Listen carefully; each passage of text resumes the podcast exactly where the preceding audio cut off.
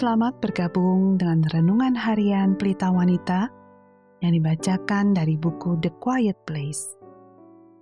Pembacaan Alkitab hari ini diambil dari Mazmur 139 ayat 13 sampai 18.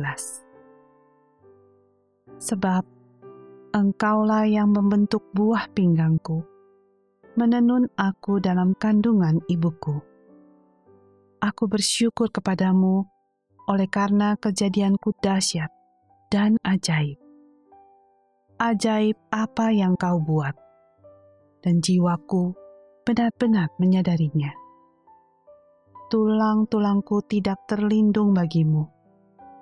Ketika aku dijadikan di tempat yang tersembunyi, dan aku direkam di bagian-bagian bumi yang paling bawah matamu melihat selagi aku bakal anak. Dan dalam kitabmu, semuanya tertulis hari-hari yang akan dibentuk, sebelum ada satupun daripadanya. Dan bagiku, betapa sulitnya pikiranmu ya Allah, betapa besar jumlahnya. Jika aku mau menghitungnya, itu lebih banyak daripada pasir apabila aku berhenti, masih saja aku bersama-sama engkau.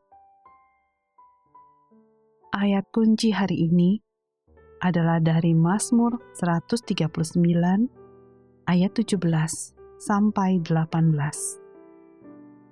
Dan bagiku, betapa sulitnya pikiranmu ya Allah, betapa besar jumlahnya.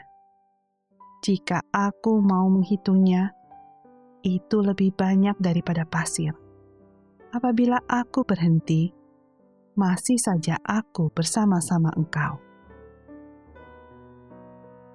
Ditebus dan dikasihi. Banyak orang percaya yang membawa perasaan diri tidak berharga yang mengganggu mereka. Saya yakin pasti musuh jiwa kita menyukai dan menyulut pikiran-pikiran seperti itu. Tetapi sebaliknya, kitab suci mengungkapkan nilai berharga yang Allah tetapkan bagi kita. Kita telah berada di dalam pikirannya sejak semula, dari titik awal penciptaan kita. Dia telah mencurahkan kepada kita cintanya yang luar biasa menjadikan kita objek kasih sayang dan perhatiannya. Kebenarannya melawan semua tipuan yang dengan mudah mencuri sukacita kita. Hati Allah bagi umat pilihannya bisa dilihat di dalam ilustrasi yang memilukan di dalam Yehezkiel 16. Sebuah ilustrasi ketika Allah mendapatkan mereka dalam keadaan telanjang, seperti seorang bayi yang tidak berdaya, dan pada saat itu tidak seorang pun merasa sayang kepadamu, sehingga diperbuatnya hal-hal itu kepadamu dari rasa belas kasihan. Namun, dia menghampiri mereka dalam keadaan mereka yang menyedihkan dan menghamparkan kainku kepadamu dan menutupi auratmu.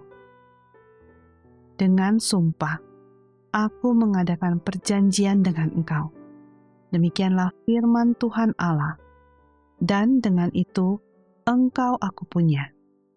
Aku membasuh engkau dengan air untuk membersihkan darahmu daripadamu.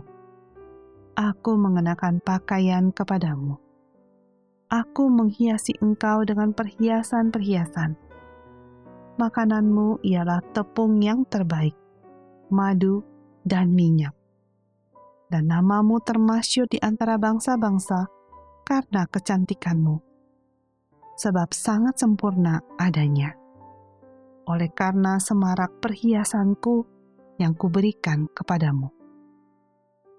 Apakah yang dinyatakan dari ayat-ayat di atas mengenai nilai yang Allah tetapkan bagi orang-orang pilihannya.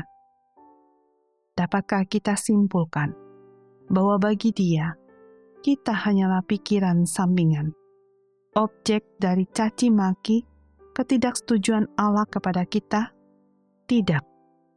Dia melihat kita dalam keadaan kita yang menyedihkan dan buruk, dan mengutus anaknya yang dikasihinya ke dalam dunia ini untuk mati di kayu salib, untuk membayar dan menebus dosa kita. Dia telah menyelamatkan kita dan mencurahkan kemurahannya kepada kita. Oleh karena itu, ketika kita tergoda untuk meremehkan diri kita atau merasa diri tidak berharga, rasakanlah kehangatan di dalam kasih Bapa yang teramat besar kepada kita, dan sembahlah Dia atas segala anugerahnya yang luar biasa.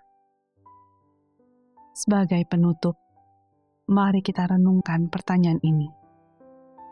Apakah Anda memilih untuk mempercayai apa yang Anda atau orang lain pikirkan tentang diri Anda sendiri, atau apa yang Allah katakan tentang diri Anda?